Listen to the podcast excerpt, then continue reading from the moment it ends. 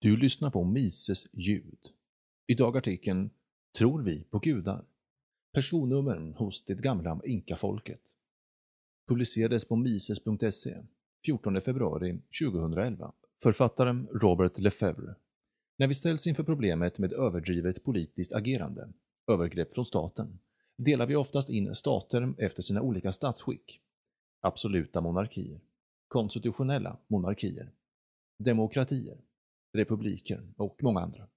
Men väldigt sällan hör vi talas om teokratier, en blandning av sekulära och religiösa krafter.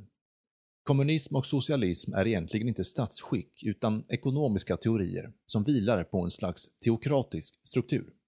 Både kommunism och socialism upphöjer statens roll till en allsmäktig gud och sammansvetsar de religiösa och sekulära krafterna i en central figur eller myndighet som har fullständig ekonomisk kontroll och dirigerar dessa krafter.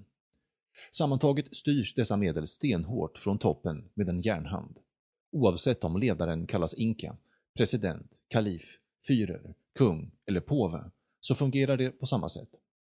Människans resa mot civilisation har inte varit en lätt väg. Hon har fått sträva hårt för att ta sig framåt och under statens kontroll har människan knappast gjort framsteg. När människan har varit i ett sådant läge har hon främst fått kämpa för sin egen överlevnad. Det centrala temat i människans resa mot civilisation har varit kampen om makten över andra. Vem ska styra och vem kommer att bli styrd? När frihet från staten skrevs in i den amerikanska frihetsförklaringen som en amerikansk princip hände något i USA som saknar historiskt motstycke. Oerhörda framsteg gjordes. Idag, författaren talar om 60-talet, får en tredjedel av invånarna i USA någon form av ekonomiskt skattefinansierat bidrag och uppgivet kan man konstatera att den ursprungliga amerikanska principen om frihet från staten är som bortblåst. Istället rör sig samhället mot en teokratiskt statsskick. Ju mer folk har vänt sig till staten om hjälp, desto mer har folk förlorat tron till sin egen förmåga att överleva. Ungefär 1450 f.Kr. dominerade en imponerande figur i dagens Peru. Han hade mer makt då än någon annan regim som vi kan se spår efter idag. Han är en socialistisk diktator och statsskicket var teokrati.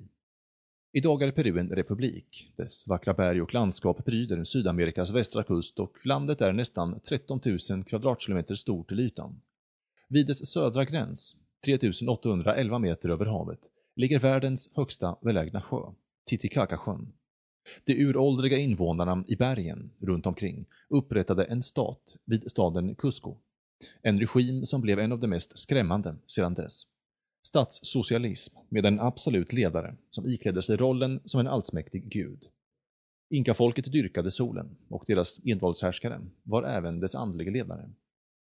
Det är den kombinationen som utmärker en teokrati. Manco Capac kan ha varit den första teokratiska ledaren på det västra halvklotet och han var även den första inkan. Han upprättade en intrikat, högst organiserad stat och byggde upp en kolossal byråkrati som nådde överallt i samhället. Ett dekret från honom löd att endast de med blodsband till honom hade rätt att styra, med följden att han kom att representeras i alla statens funktioner av endast sina släktingar.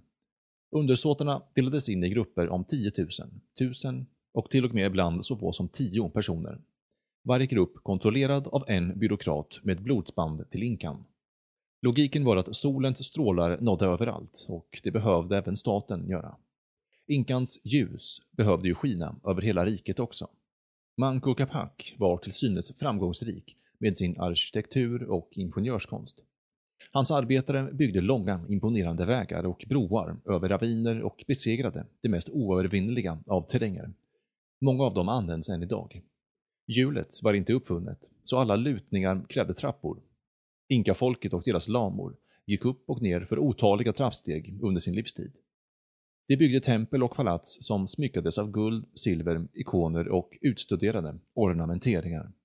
Lyxiga badhus förseddes med både varmt och kallt vatten från rör nedgrävda i marken. Lyxen som inkan och hans släktingar åtnjöt har fått vissa historiker att hävda att inkafolket måste ha varit mycket avancerade och framstående. Sanningen är långt ifrån det. De rikedomar som vi ser var endast ett privilegium för Manco Capac och hans släktingar. Undersåtarnas vardag var långt ifrån deras lyxliv. Det finns inget som hette personlig frihet i inkariket och utan det uppstod en slavkultur. Alla fick status och identitet, ett personnummer, tilldelat och inbränt vid födseln. Eftersom inkariket var en slags välfärdsstat så var varje invånares liv statens ansvar och staten behövde hålla koll på sin egendom, ha en fullkomlig inventarielista på sina tillgångar. Undersåtarna var konstant övervakade, precis som herdarna, som såg efter sina lydiga lamor. Egen viljan och agendan var något otänkbart. En hustru valdes ut till mannen av staten, när mannen endast var fem år gammal. Skulle någon av parterna avlida tilldelades man en ny partner av staten. Manco Capac var principiellt emot individuella friheten. I hans ögon var frihet ett privilegium endast värdig de styrande. Alla andra fick finna sig i att endast bli styrda. Denna antika ledare såg på sina undersåtar och sitt rike precis som en trädgårdsmästare ser på sin häck när den behöver trimmas. Socialism är konformism enligt en central plan, ständigt på väg mot sitt slutgiltiga mål. Och under Manco Capac nådde denna socialistiska teokrati sin högsta tillväxt.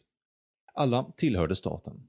En statsrepresentant valde var man skulle bo och barn fick inte ens bo tillsammans med sina föräldrar.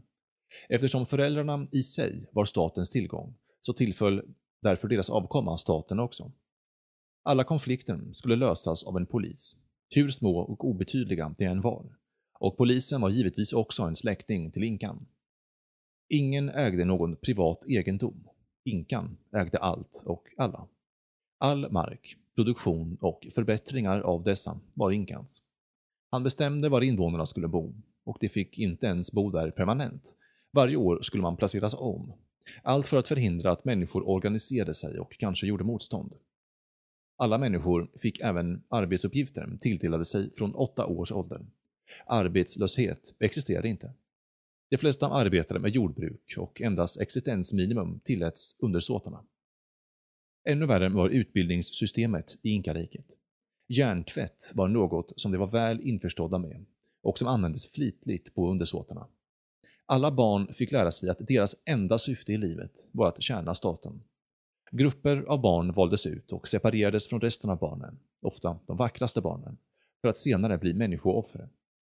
De fick lära sig intrikata danssteg, mystiska böner och ceremoniella förhavanden, som till slut kulminerade med deras död.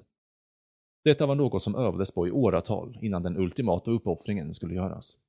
Minsta fel eller tveksamheter ledde till offentlig piskning, ofta så brutal att den ledde till döden. Det allvarligaste var ändå om man hade smutskastat solen. Med andra ord haft en annan åsikt än statens. Hos de andiska folken i inkariket var solen, dess gud och staten densamma.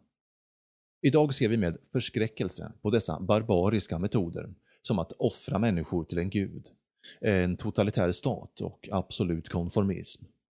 Vi förundras över inkafolkets vidskeplighet som tillät dessa hemskheter. Men trots det har många idag blivit övertygade om att socialism är något bra. Denna ekonomiska teori som kräver att all privat egendom och produktionsmedel till slut är underställt staten.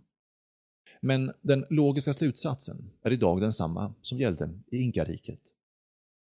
Den amerikanska idén om självbestämmande, att vara fri från staten, började som ett antagande. Att varje människa har rätten till sig själv. Att hon inte behöver kontroll. Att om hon lämnas i fred är hon fullständigt kapabel att försörja sig själv. Detta amerikanska antagande var så framgångsrikt att det under de 300 första åren höjde levnadsstandarden till nivåer som ingen antik teokrat någonsin hade kunnat drömma om. Den amerikanska drömmen om frihet är baserad på frihetsförklaringen, som säger att alla människor har vissa okränkbara rättigheter. I teorin skapades den amerikanska staten för att garantera inbördes harmoni och skydda de amerikanska medborgarnas liv och egendom. Men när staten ser på sig själv och sina lagar i ljuset av den allsmäktiga makten som de är tilldelade, underställer de snabbt sina undersåtar allt hårdare kontroll, beskattar dem och lever av dess tillgångar. Vart kan då undersåtarna vända sig för att få sitt så kallade skydd? Det uråldriga inkariket, en gång så mäktigt och imponerande, blev snabbt och våldsamt erövrat av spanjorerna som mötte lite motstånd. Historien har visat oss att invånarna i inkariket inte hade mycket energi över när det gällde att försvara nationen. De var så vana till lydnad att ens blotta tanken på att göra motstånd mot en ännu större auktoritet inte existerade. Inkarikets civilisation försvann och deras öde borde lära oss en dyrbar läxa. Det som vi blint tror på just nu är vår nuvarande Gud. Om vi tror på politiker, centrala auktoriteter, planering från staten samt söker stöd hos staten för vår överlevnad så överger vi också frihet och accepterar en uråldrig hednisk tro. Om USA ska överleva måste hon göra det som en nation av fria människor.